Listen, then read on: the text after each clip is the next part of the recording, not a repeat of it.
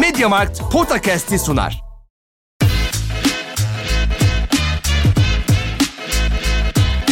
Potakast. Kaan Kural ve Orkun Çolakoğlu'yla NBA gündemine haftalık bir bakış.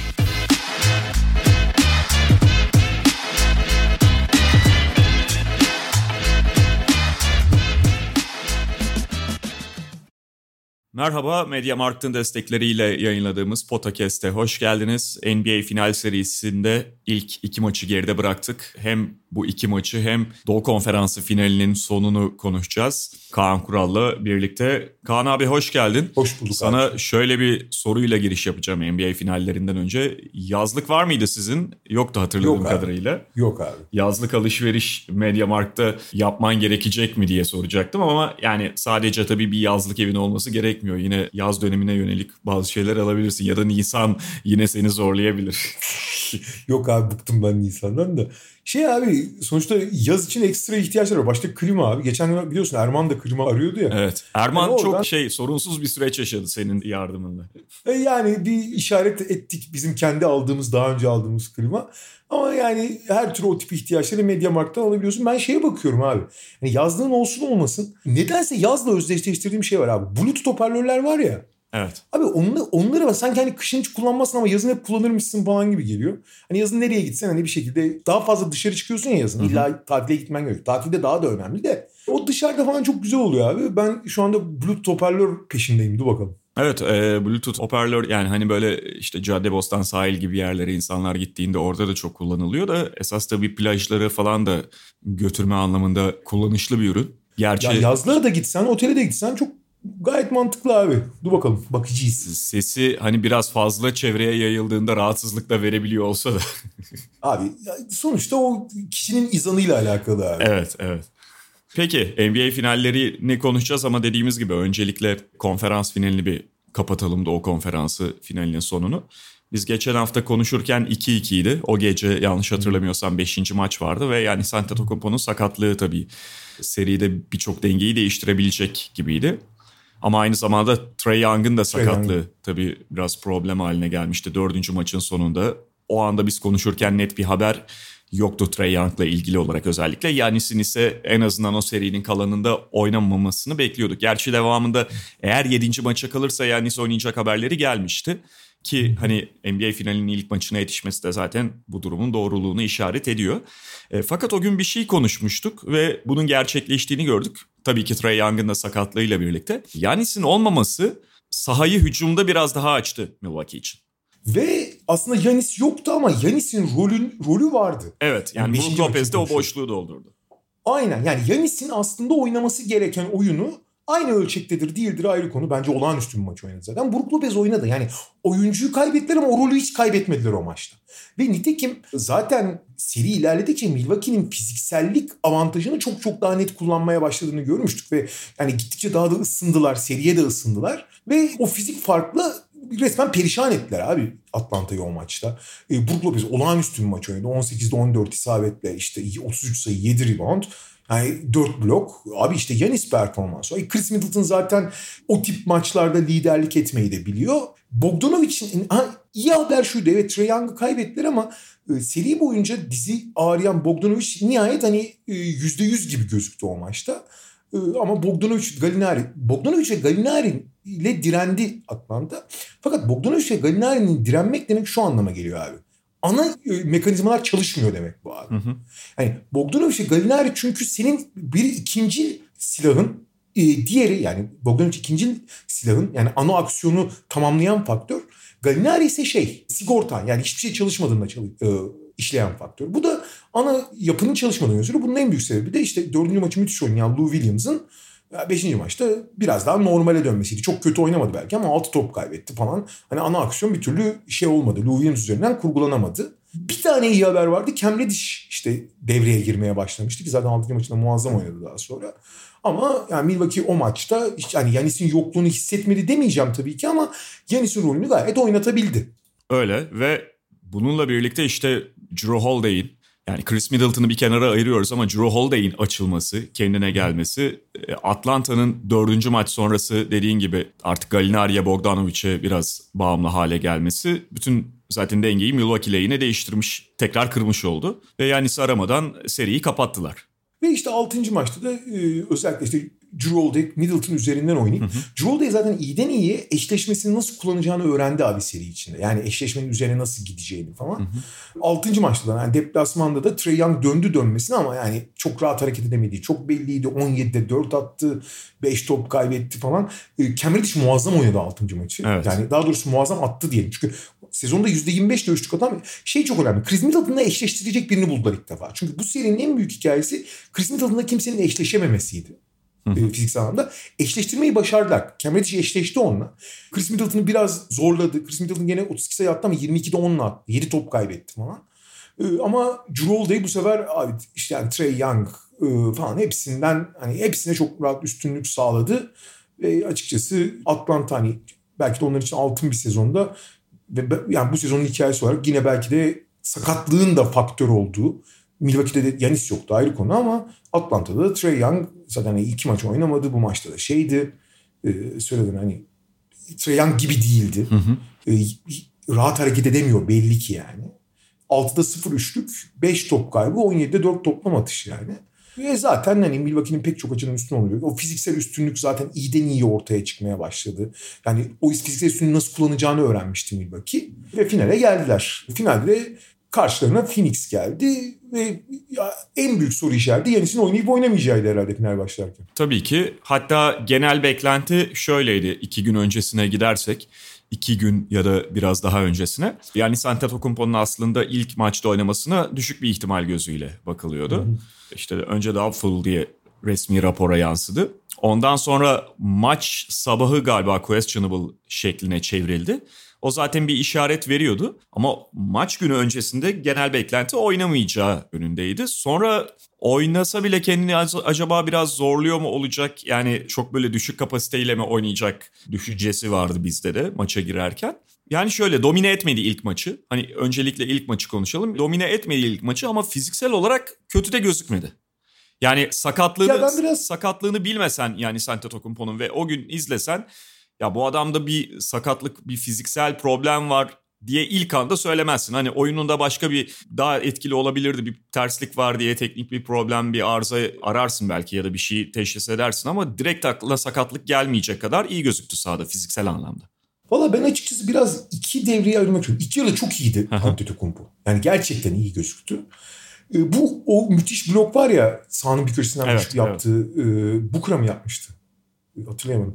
Neyse o bloktan sonra mı e, yani o blok bence biraz kırılma noktası. O blokta e, dizini etkiledi mi bir şey diyemem ona.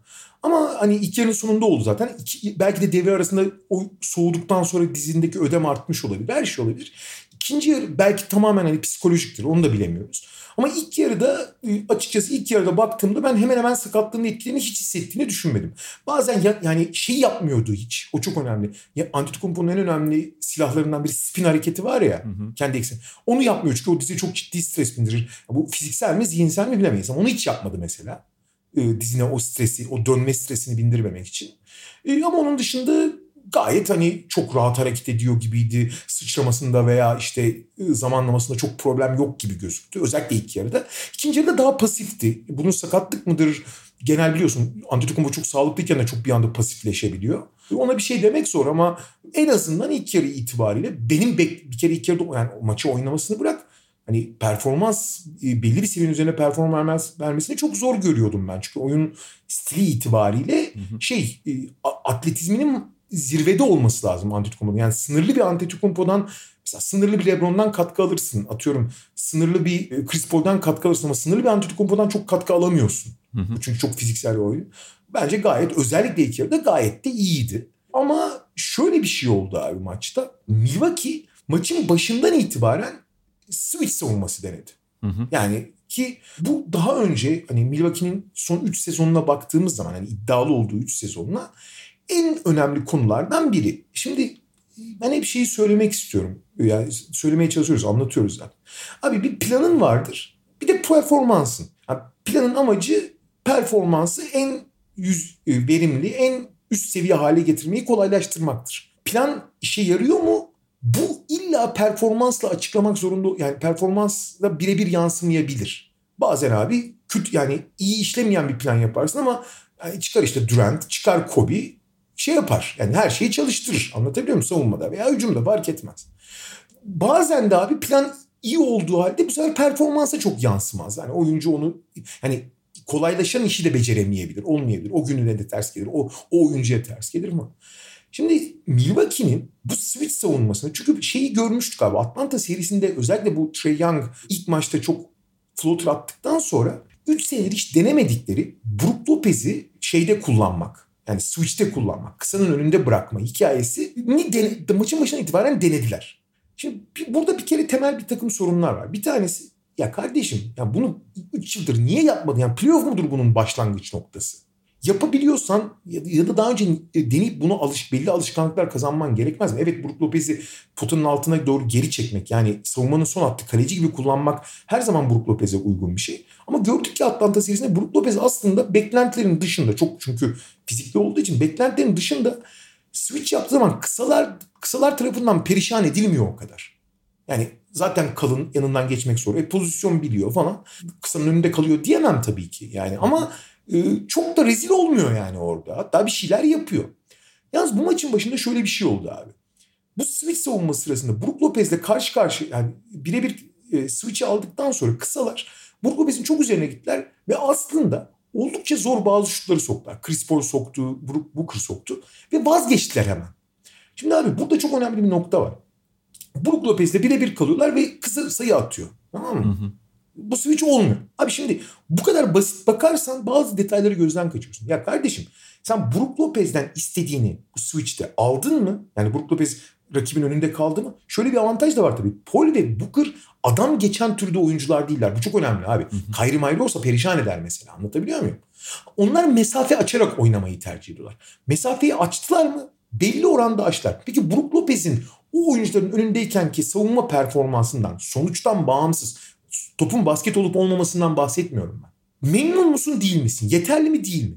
Bence büyük oranda yeterliydi abi. Yani Brook Lopez o şutları elini uzattı. O şutları belli oranda zorlaştırdı. Yani Brook Lopez'in yerine oraya Torrey Craig koysan veya başka bir kısa koysan daha iyi savunma yapabileceğini düşünüyor musun bunu? Belki düşünüyorsun belki düşünmüyorsun. Belki bir şey yapmak zorunda hissediyorsun. Ama bence abi yeterliydi o. Burada yani arka arkaya Brook Lopez'in üzerinden basketlerin gelmesi bence biraz gereksiz paniğe yol açtı. Ve vazgeçtiler abi o işten. Hı hı. Brook Lopez'i kenara aldı. Brook Lopez 23 dakika oynadı zaten. Çok daha az oynattılar. İşte gene drop savunması yaptılar belli yerde. Yanis'in 5 bak gene aynı şey. Yani 2 senedir milletin yani herkesin ısrar ettiği ya Yanis'in 5 olduğu 5'leri kullanın vesaire. Yanis'in 5 numara oynadığı 5'leri falan kullandılar. Fakat bu sırada abi Brook Lopez de sağdan çıktıktan sonra switch'ten de vazgeçtikleri anda abi orta mesafeden perişan etti Chris Paul ile şey Devin Booker. Ve biliyorsun ilk yarı o dengeyi bozduktan sonra 3. çeyrekte de bir Chris Paul resitali izledik ya. Yani inanılmaz bir 3. çeyrek oynadı Chris Paul. Hı hı.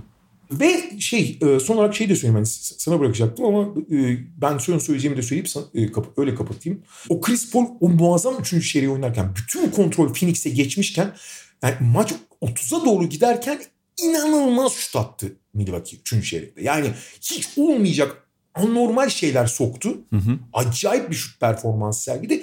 Ve o sayede skoru tutundu ve açıkçası bir şekilde yani 20'lere çıktı fark ama tekrar 6 sayıya kadar falan düşerek bir şekilde yani hakikaten Phoenix'in dümdüz ettiği bir bölümde bir şekilde maça ortak olma fırsatını yakaladı ama yetişemedi abi.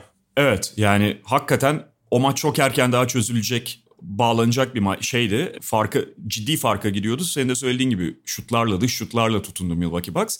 Çok iyi hücum etmiyorlardı aslında. Yani işte 105 sayıyla kapadılar ilk maçı. Biraz daha normal özellikle buldukları şutların kalitesine göre biraz daha standart şut atsalar da eğer zaten taşıyabildikleri noktaya kadar taşıyamayacaklardı maçı.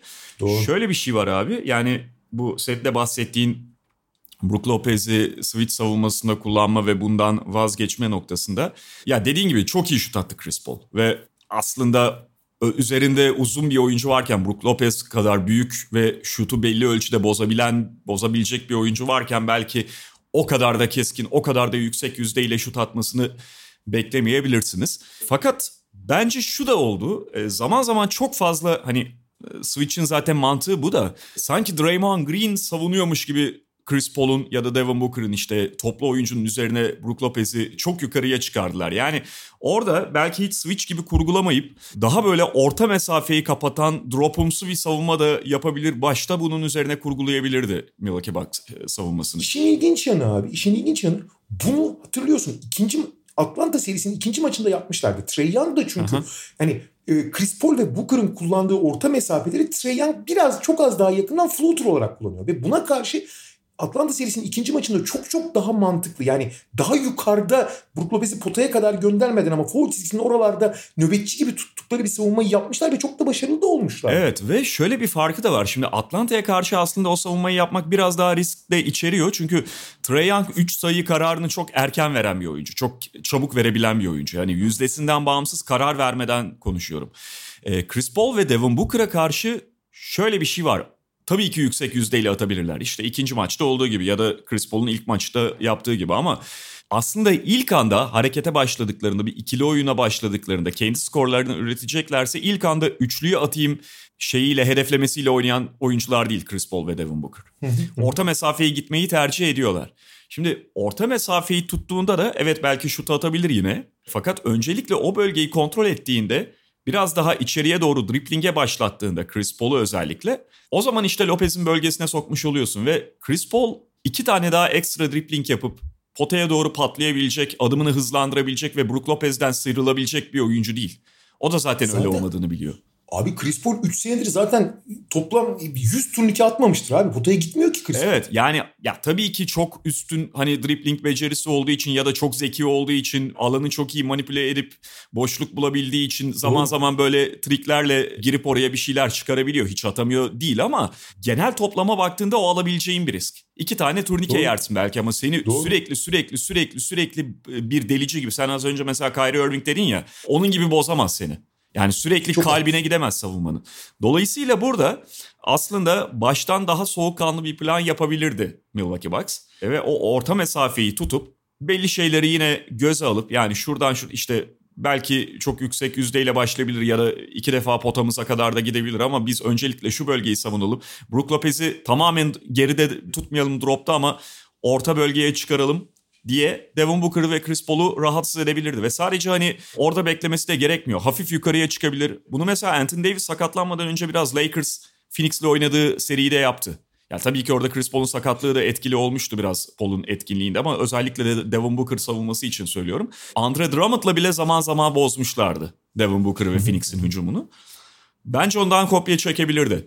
Çünkü ya birazdan ikinci maça da geçeceğiz. Oradaki durumu da konuşacağız. Çok yara aldılar ve zaten iyi hücum edemedikleri bir gündü. İşte söylediğimiz gibi hani üçlüklerle tutundukları bir gündü.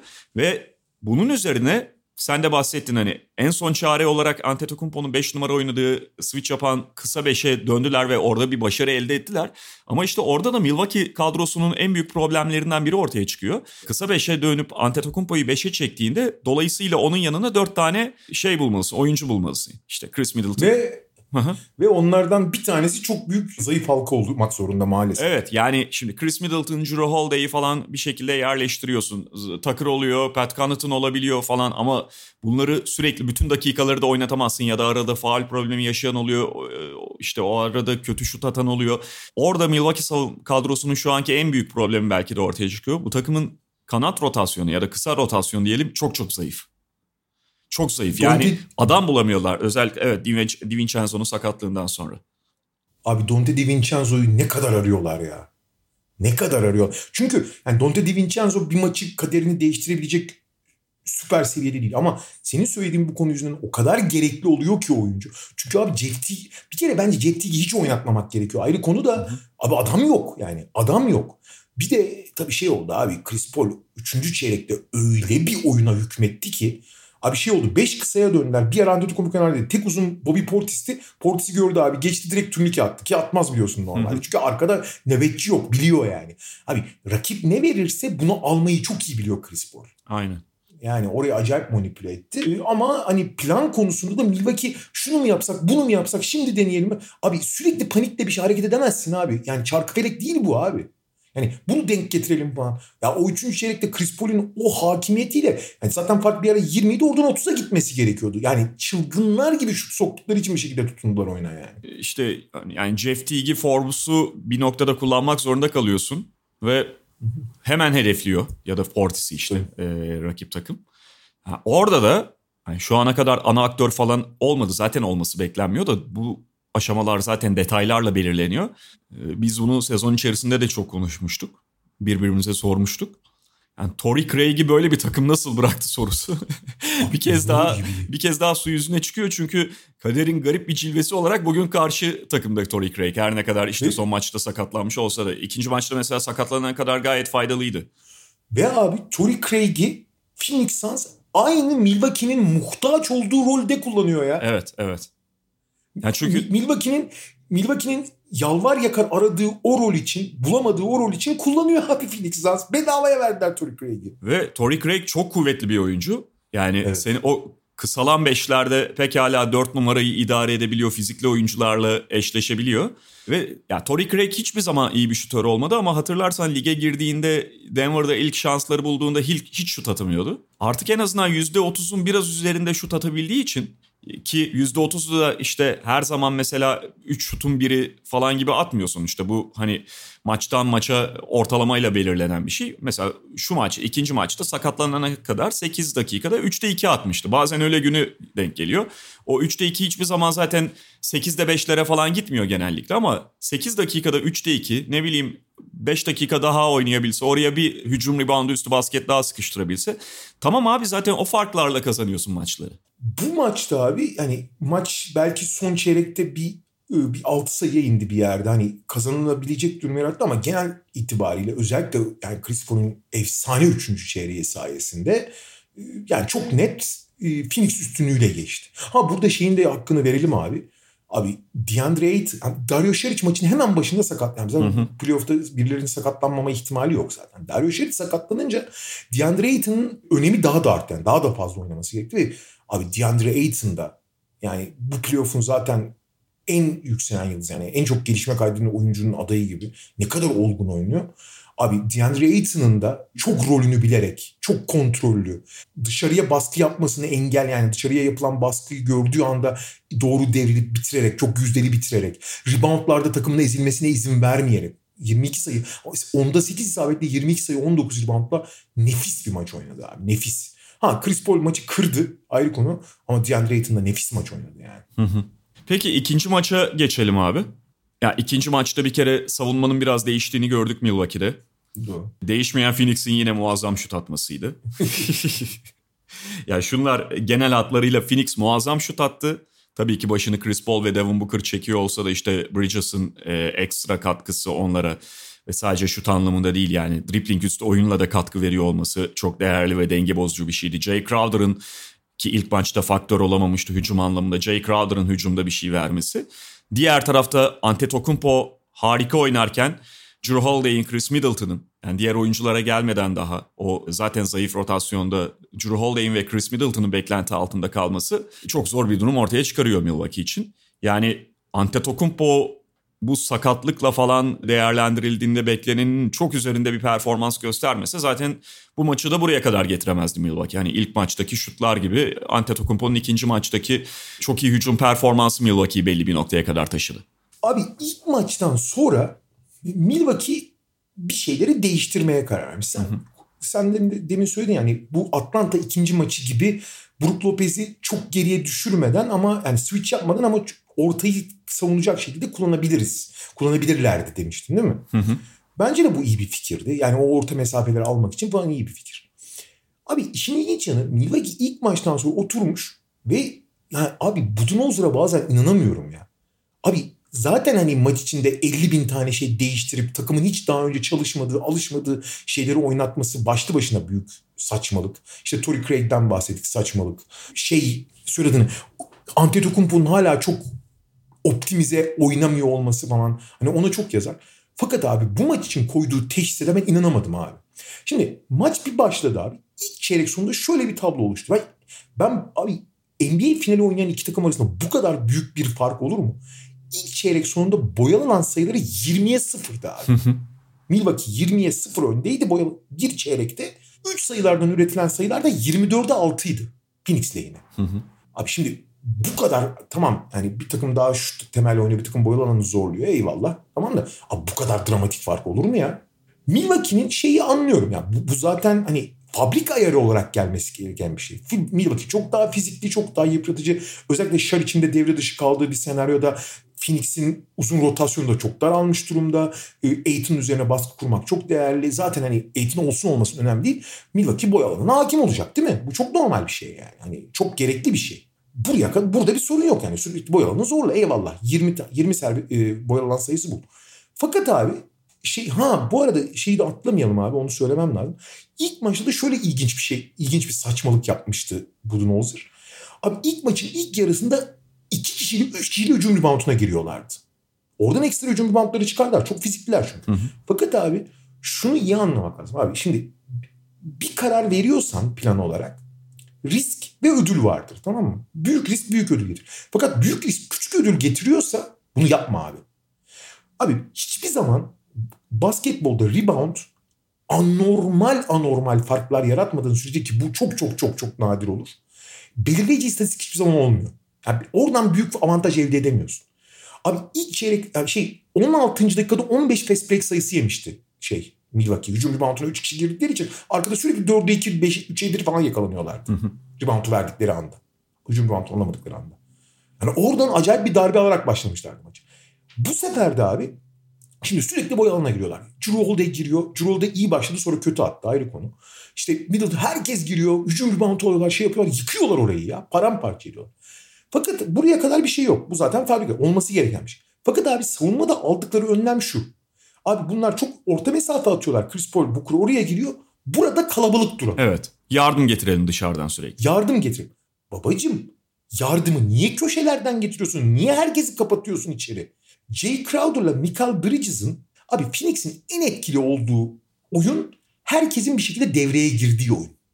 Ve çünkü özellikle Michael Bridges'ın nokta şütör olarak gerçekten keskin bir şütör. Jay Crowder iyi günü kötü günü çok belli eden bir oyuncu ama o da e, boşken atar ve tehdit yaratır. Cameron Johnson da müthiş nokta şütör. Abicim tüm ilk yarı boyunca Jay Crowder, Michael Bridges ve Cameron Johnson şut idmanı yaptı ya. Her şey abi bir devrede bugün basketboldaki en değerli şut köşe üçlüğü abi. Hı hı. Çünkü hani standart olarak smaçtan sonra, smaçtan sonra. Niye? Çünkü köşeden atılan üçlükler özellikle boş boşsa yüzde elli civarında atılıyor. Bir, yani bir, her oradan atılan şut bir buçuk sayı elde ediyor. Smaç ise genelde yüzde 82 ile mi 88 ile mi ne bitiyor? Lig geneli için konuşuyorum. O da işte 1.7 sayı falan üretiyor. Tamam mı? Hı hı. Abi her pozisyonda smaç yiyor gibi bir şeysin o kadar boş üçlük verirsen. Boyalanı domine ediyorsun patır patır üçlük yiyorsun abi. Çok ufak bir ek de yapayım abi ona. Ve close out savunman da iyi değil üçlüyü kapatmaya evet. çalıştığında. Yani bu hani bir tane senin de paylaştığın ikinci yarıda üçüncü periyotta şey vardı ya Phoenix'in çok iyi top trafiği, Milwaukee'nin savunma rotasyonu. O top trafiği devam ediyor. Bir, bir yerde savunmayı kırıyorlar ve basket buluyorlar. Orada bir örneğini gördük iyi savunmanın ama genel olarak mesela hiç o kadar takip yapamadılar ve close out üstünden çok özellikle Bridges'ı takip edemediler. Ve abi sonra ikinci çeyrekte Drew basit atışları kaçırmaya başladı. Ki Drew bitiriciliğiyle ilgili sorunlar her zaman var. Tamam çok kaçırdı. Daha iyisini bekliyorsun ondan. Chris Middleton'dan kesin daha iyisini bekliyorsun. Abi onlar biraz kaçırmaya başlayınca boyalı alandan e, şeyden abi Phoenix dümdüz ilk yarı sonunda abi bir baktım Milwaukee 11 fazla hücum yapmıştı abi. 10, yani 24 dakikada 11 fazla hücum nedir abi? 24 dakikada zaten 40 küsur hücum yapıyorsun. Hı hı. 11 fazla hücum nedir ya? Şeyi anlıyorum. Hücum reboundlarından 7 üstünlük sağladılar. 7 fazla top aldılar. Bu dizayn gereği, bu anlaşılabilir. Bu Phoenix'in de kabul ettiği, mümkünse dengelemeye çalıştı ama kabul ettiği bir durum. Buradan ekstra. Abi bunun üstüne Phoenix karakter, özellikle Chris Paul karakter dışı ekstra top kayıpları yaptı. Milwaukee'de top kaybetti. Yani top kaybından da 4 ekstra hücum elde ettin. Yani Milwaukee'nin stratejisi hücum reboundlarıyla ekstra hücumlar getiriyor. Bir de üstüne senin hesapta olmayan çok beklemediğin plan olarak ekstradan top kayıplarından da ekstra avantaj elde etmişsin. Ama kardeşim 11 ekstra hücum yapıp nasıl 11 sayı geride bitiriyorsun devreyi ya? Yani feci atıyorsun ve aynı zamanda rakibin istediği şutları bırakıyorsun. E bu durumda da 11 sayı geriye düşersin. Ha iyi attılar biraz ekstra attılar falan ayrı konu. İkinci yarıda ama plan tamamen değişti. Baktılar olmuyor. Bu biraz daha normal şeylere falan döndüler. Abi bu sefer de e, senin söylediğin Antetokounmpo abi inanılmaz bir üçüncü çeyrek oynadı. Drew falan çok kaçırdı ama her şeyi atmaya, her şeyi bitirmeye başladı. Bire bir, ikiye bir falan her şeyi bitiriyor yani. Acayip muazzam bir rebound üstünlüğü kuruyor. Açık sağ kullanıyor. Her şeyi bitiriyor. Olağanüstü bir maç oynadı Antetokounmpo. Bu sefer de şeyin tam tersi abi. İlk maçın tam tersi. Phoenix bu sefer şutla tutunmaya çalıştı oyuna.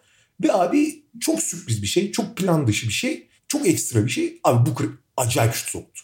Çünkü Booker biliyorsun Booker ve Beal, Bradley Beal'la Devin Booker şu anda yani üst düzey skorerler arasında yani 20 sayı üzerinde ortalama yakalayan işte 30 civarında oyuncu var NBA'de. Ee, onlar arasında yani üst düzey skorerler arasında dış oyuncular için konuşuyorum. En az üçlük kullanan oyuncular aslında. Yani üç sayı repertuarlarında çok az var onların. Beal'ın da öyle biraz, biraz arttırdı bu sene ama az var aslında. Booker abi kariyeri boyunca 5.5 üçlük deneyip 5.7 üçlük deneyip 2 üçlük isabetiyle oynuyor. 2, 2 veya 1 nokta, bu sezon 1.9'du. Atmıyor fazla Booker. Hı hı.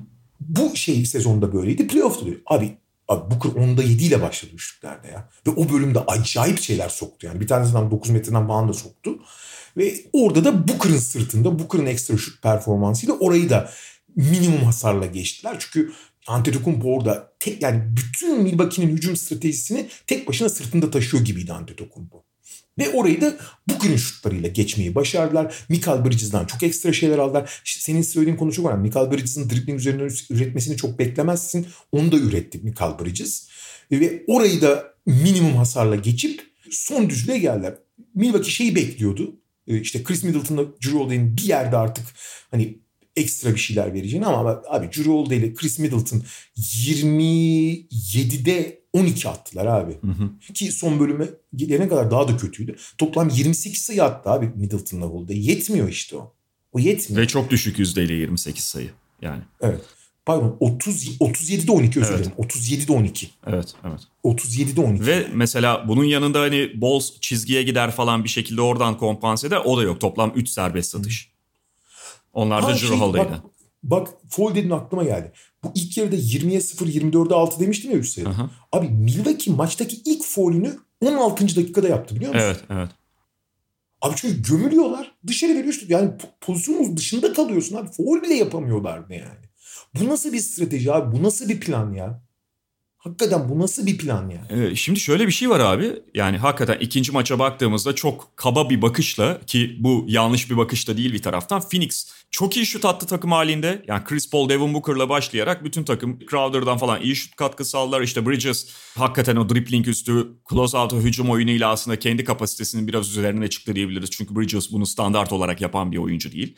E, Milwaukee'de gerçekten bilhassa Middleton ve Drew Holiday özelinde çok çok kötü şut e, şey hücum performansı gösterdi. Şimdi Mike Budenholzer tarafından düşünmeye çalıştığında aslında işin böyle bir tarafı var. Yani adamları standart şey starları kendi standartlarının da üstüne çıktılar. Bizimkiler de patladı. Bu bir yerde dengeye gelecektir diye düşünebilir. Olabilir de. Fakat planı değiştirmesi gerekiyor. Yani dediğimiz gibi hani anlattığın gibi senin de burada e, bir plan sorunu da var Milwaukee açısından. Bunu böyle kabul ederek ya biz bu kadar kötü oynamayız onlar da bu kadar ekstra bu kadar iyi oynamaz diye hareket edip bir şeyi değiştirmezse eğer çok büyük hata yapar. Ki ben kesinlikle değiştireceğini düşünüyorum. Özellikle bu yani şimdi 2-0 zaten sizleri bir şeylere mecbur ediyor ama 3. maça kadar bu defa 2 günlük bir ara olması Milwaukee'ye muhtemelen biraz daha fazla hazırlık yapma ve yeni planı üzerine çalışma fırsatını da tanıyacaktır şeyi çok iyi anlaması lazım Yazan. İlk yarıdaki şut performansı ile ikinci yarıdaki şut performansı arasında ciddi fark var. İlk yarıda çok boş kanatları çok boş şut verdiler ve o şutörler kendi standartlarında attı aslında. İkinci yarıda o şutları vermedikleri zaman bu sefer Phoenix çok iyi şut attı. Özellikle Booker özelinde konuşuyorum. Hı hı. Bu ikisini çok iyi ayırmak lazım abi. İlkinde yaptığın hata ne? İkincide rakibin iyi yapıp hani senin hatandan çok kaynaklanmayan ürettikleri şeyler. Bu ayrımları yapmakta çok zorlanıyor bence Mike Budenholzer. Evet. Her şeyden önce. Bu arada tabii sen de söylemiştin. Tory Craig'i de kaybedince bu sefer şey Phoenix'in rotasyonu da çok daraldı bu arada. Çok daraldı abi.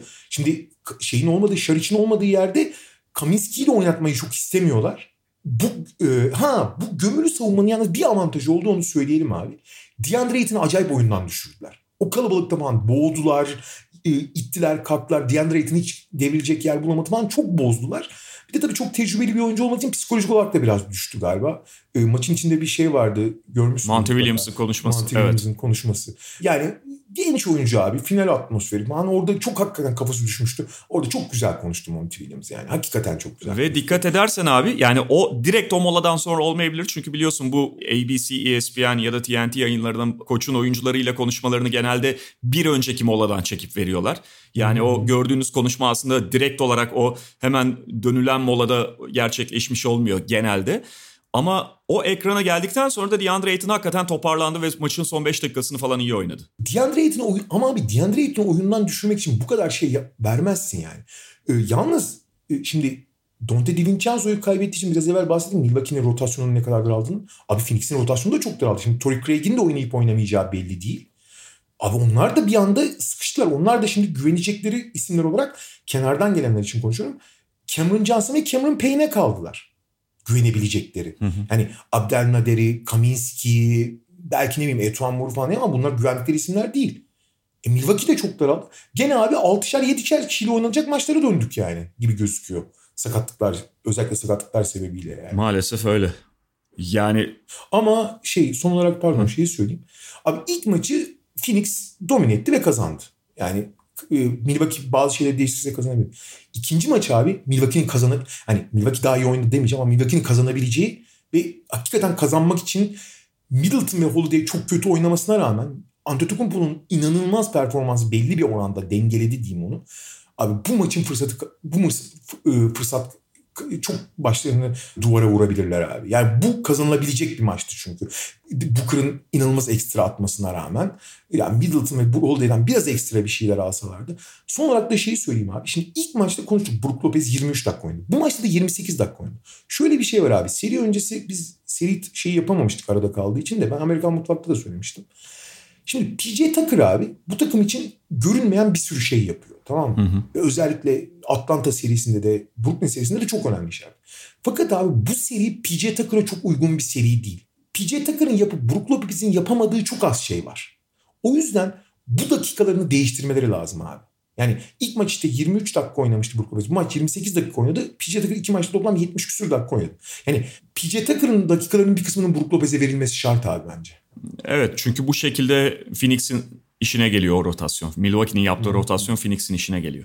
Ve sen hani daralmadan bahsettin ya abi iki tarafta da yani işte e, şeyin üzerine Dario Saric'in üzerine şimdi Torrey Craig'in de sakatlığıyla birlikte tamam Torrey Craig'in yerine hani teoride Abdelnader geçebilir ki zaten kullanmıştı geçen turda onu. Ama şey oluyor Milwaukee kısalardan çok daralmış durumdayken Phoenix de uzunlardan ya da işte 4 numarada oynayabilecek oyunculardan çok daralmış durumda. Kendi aralarında takas yapabilseler seri içerisinde yaparlar. Yani Phoenix'in oynatmadığı It One More, Langston Galloway falan bayağı işine yarayabilir şu anda Mil- Milwaukee'nin. Belki Milwaukee'nin mesela bu maçta 5 dakika süre verdiği Bobby Portis de Phoenix'in daha fazla işine yarar. Bobby Portis şey takasına ne diyorsun hocam? Bobby Portis'e karşı Et, Etuan Moore, Langston Galloway ikilisini vereceksin. Olur abi olur. Yani hani birebir Bobby Portis hepsi ikisinden de daha değerli belki şu aşamada ama şey nicelik kazanmış oluyor Milwaukee. Bayıla bayıla yaparlar. Belki bir de draft hakkı Şey falan ne diyorsun? yani. Şey ne diyorsun abi? Langston Galloway'e karşı Thanasis Antetokounmpo. Ya sen de kullanmıyorsunuz sonra Milwaukee. Yani Thanasis işte fazla abi. kazma olduğu için bilmiyorum hani Monty Williams ister mi de. Abi abi Phoenix'in ona da ihtiyacı var. Şöyle düşün abi. Frank Kaminsky'nin e, mobilite sorunları nedeni. Bence Frank Kaminsky'den kısa süreler 4-5 dakikalar verim alabilirler. Çünkü Kaminsky akıllı oyuncu ve büyük abi. Yani Brook Lopez falan varken bir şekilde sahada tutarsın. Çok da kötü olmayabilir yani. Şut tehdidi var, bir şey var. Pas verir, verir. Ama 5 dakikadan fazla değil. Sadece 5 dakika. Hiç mi hareket edemiyor çünkü. Phoenix'in en önemli avantajı hareket avantajı. Abi. Phoenix çok daha hareketli. Çünkü Milwaukee fizikli. Fakat abi şu anda boyalı alanda oynatabileceği bak oynatabileceği diyorum. Aha. Oyuncular şunlar. Jay Crowder, DeAndre Ayton ve Frank Kaminsky. Mecburen Cameron Johnson'ı yani nokta şutör. Kyle Cow- Korver gibi oynayacak Cameron Johnson'ı boyalı alanda oynatmak zorunda kalıyorlar. Fizikli olduğu için yani. Evet. Ki normalde oyda oynamaması lazım yani. Ve karşılarındaki takım da Milwaukee abi. Boyalı alanda kurdukları e, baskıyı ve fizik üstünlüğünü düşünürsen Phoenix, Phoenix çok yani hakikaten bir, çok büyük darboğaza girmiş durumda yani. Aynen. Bakalım bundan sonraki maçlarda şimdi Milwaukee'de 3. 4. maçlar ve e, ikisi e, öncesinde de 2 günlük aralar olacak. Yani 3. maç pazar akşamı, pazar gecesi bize göre. E, işte 2 günlük bir... Dördüncü maçta çarşamba. Dördüncü maçta çarşamba ya. Hatta ondan sonra bir sonraki maçla arasında da dördüncü maçın arasında da 2 günlük boşluk var. Ama ilk etapta tabii geride olan takım için şu anda 2-0 geriye düşmüş olan Milwaukee için bu ekstra bir gün ara iki günlük boşluk olması önemli bir nefes alma ve yeni plan yapma fırsatı. Çünkü sağ avantajının onlara dönüyor olması şimdi evlerinde oynayacak olmaları tabii ki değerli ama o iki günlük boşluğu bulmak da yenik durumdaki takım için önemli bir şey. Peki böyle kapatalım abi final serisini. Şeyden tamam, bahsedelim abi. diyorduk bugün bir de kapatırken. Ee, senin özellikle gördüğüm ben hani senden az önce programa girmeden önce öğrendiğim için çok detaylarına vakıf değilim. Gerçi sen anlattın hani konuyu hatlarıyla bana. Geçtiğimiz günlerde bir an ortaya çıkan sonra kapatıldı dediğin, üstü kapatıldı dediğin şey hadisesi. Kevin Durant'e ve Brooklyn'in diğer yıldızlarına Nets'in salary cap'e yansımayacak şekilde bir şey aslında ödeme yapıyor olması. Yani ödeme yapmıyorlar yani, ama bir hani bir şekilde e, nasıl diyelim kıyak geçiyor. Kıyak geçiyor olması. Bu da aslında normalde hatta bu yaz bir örneği olmuştu da hangi oyuncuyla olduğunu unuttum. NBA'in önünü kesmek istediği bir olay. Yani şey kontrata yazılmayan ama ödeme gerektiren başka işte kıyaklarla şurada ev tutma, burada bilmem ne yapma, seyahat masrafını şeyini karşılama gibi şeylerle oyuncuya ek aslında bonus çıkıyor olma. Abi şöyle bir şey var. Acayip bir Pandora'nın kutusu olduğu için NBA de bunu açmaya korkuyor abi. Olay şuradan patladı. İşte Brooklyn'de yıldız oyunculara yapılan ekstra kıyaklar ya da işte preferential treatment diyorlar yani ayrıcalıklı muamele. Hı hı. Yani idmana yani, geç yani, gelin falan değil. evet ya ama ya bu abi yani sonuçta zannediyor musunuz ki sen LeBron'a yapılmıyor ya da ne bileyim Damian Lillard'a yapılır tabii ki abi yıldız oyuncuya yani az solist az solist gibi davranılır yani bu, bu, bu kadar bilinen bir şey. Fakat abi bunun boyutları çok önemli. Bu hatırlayacak hatırlar mısın bilmiyorum abi. Mark Cuban ilk Dallas'a geldiğinde gündem olmuştu. Dallas'ta soyunma odasındaki şeylere oyuncuların dolaplarına PlayStation koymuştu. Evet. Şey. Mark Cuban'da bayağı olay olmuştu. Oyuncular çok mutlu olmuştu falan. Ki PlayStation şey 1 söz konusu. Evet yani çok 2003 müydü 4 müydü hatırlamıyorum tam tarihlerini. O civarda bir şeydi yani 2002 miydi? Neyse. Ve o zaman şey denmişti abi işte e, o yüzden işte Dallas'ta oyuncular çok önemli. Şimdi bu çok akıllıca bir şey tamam mı? Çünkü oyunculara Dallas'ta, Oklahoma City'de, New York'ta falan aslında aynı paraları verebiliyorlar.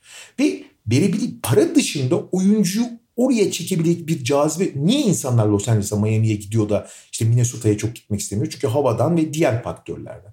Fakat bu diğer faktörleri cazip kılmayı başarırsan oyuncuları çekebilirsin de işte bütün o takımların kendi uçaklarına sahip olmaları işte oradaki en kaliteli şefleri kullanıp en iyi yemekleri verip hani diğer konularda tatmin etmeye çalışıyorlar oyuncu. Fakat bunun bir sınırı yok. Tamam mı? Şimdi sınırları nerede belirliyorsun?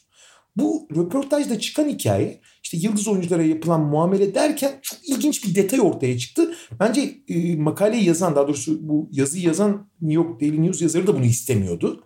Şey ortaya çıktı abi.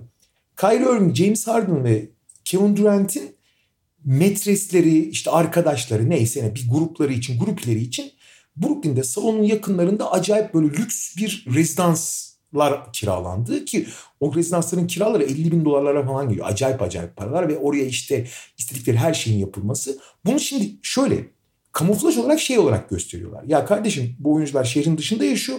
Salonda salonun yanında bir tane yer tutuyoruz ki otel gibi düşünün bunu. Hani orada yatıp kalksın maçtan maçtan önceki gün orada yatsınlar diye tutuyoruz diye bir kamuflaj yapıyorlar. Yani bu işin hasır altı etmek için böyle bir bahanesi var. Yani iş için gerekli diyorlar. Halbuki orada işte metreslerinin arkadaşlarından takıldığı söyleniyor.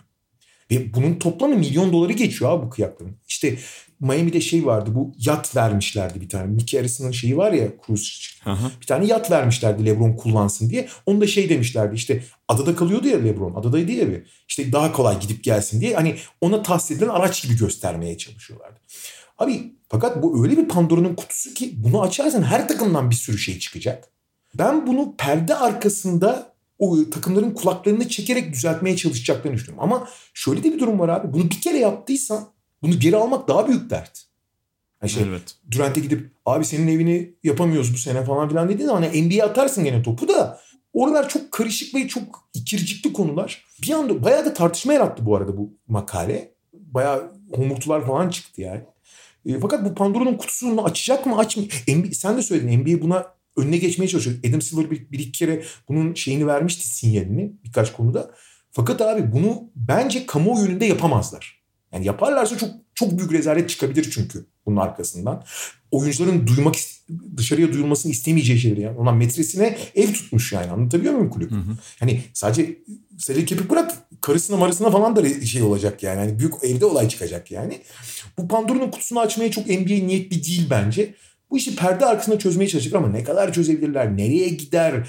Bir de biliyorsun abi bu iş silahlanma yarışı gibidir. İşin iyi de niye? Yani Brooklyn bunu yapıyorsa atıyorum Lakers ne yapacak? Clipper, Steve Ballmer neler neler yapar. Mesela şey de çok konuşuluyor abi. Steve Ballmer'ı bu yeni jenerasyon oyuncuların teknoloji yatırımları oluyor ya. Hı hı. Mesela Kevin Durant'in var bir sürü aplikasyon yatırımları bilmem neleri falan.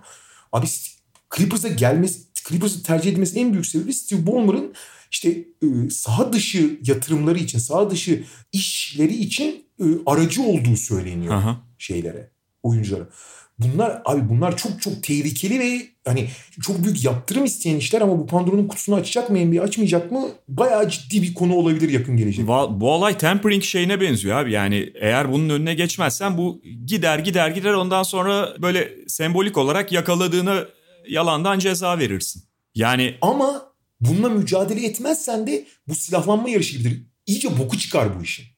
E, Hakikaten boku çıkar. E, onu diyorum. Hani, o zaman şey olur abi işte Avrupa'ya döner. Yani çak, işte amcasına benzin istasyonu falan alıyordu ya işte Andrei Kirilenko'ya yapmıştık. E, neydi o eski sahibi şeyin? E, Brooklyn. Prokhorov. Yani iş iyiden iyiye çığırından Prokhorov. Prokhorov evet. İş, iş iyiden iyiye çığırından da çıkabilir diğer taraftan. Yani. Tabii ki ve yani bunlar orta vadede uzun vadede menajerleri de çok güçlü hale getirir. Yani Avrupa örneğini verdim. Aynen. Şimdi ya dediğim gibi hani biraz tempering olayına dönecek bu böyle. Zaten kimsenin işte 1 Temmuz saat 12'yi beklemediği falan açık. ee, ama yani ondan sonra da şey aa ne oldu ya biri ihlalde mi buluyormuş gel bakayım buraya 50 bin dolar sana ceza falan karikatür hale getirmeyin bunu getirmemeniz gerekiyor. Yani önünü gerçekten keseceksin dediğin gibi ve kesmezsen zaten problem haline gelecek ya da başka bir şey yani bu esnetilebildiği kadar esnetilecek yoksa. Ve suyu çıkıyor yavaş yavaş yani bu işin. Peki, e, bunu da böylelikle konuşmuş olduk. Bugünlük bu kadar diyoruz. Mediamarkt'ın destekleriyle yayınladığımız podcast'te haftaya tekrar görüşmek üzere. Hoşçakalın. Hoşçakalın. Mediamarkt Podcast'i sundu.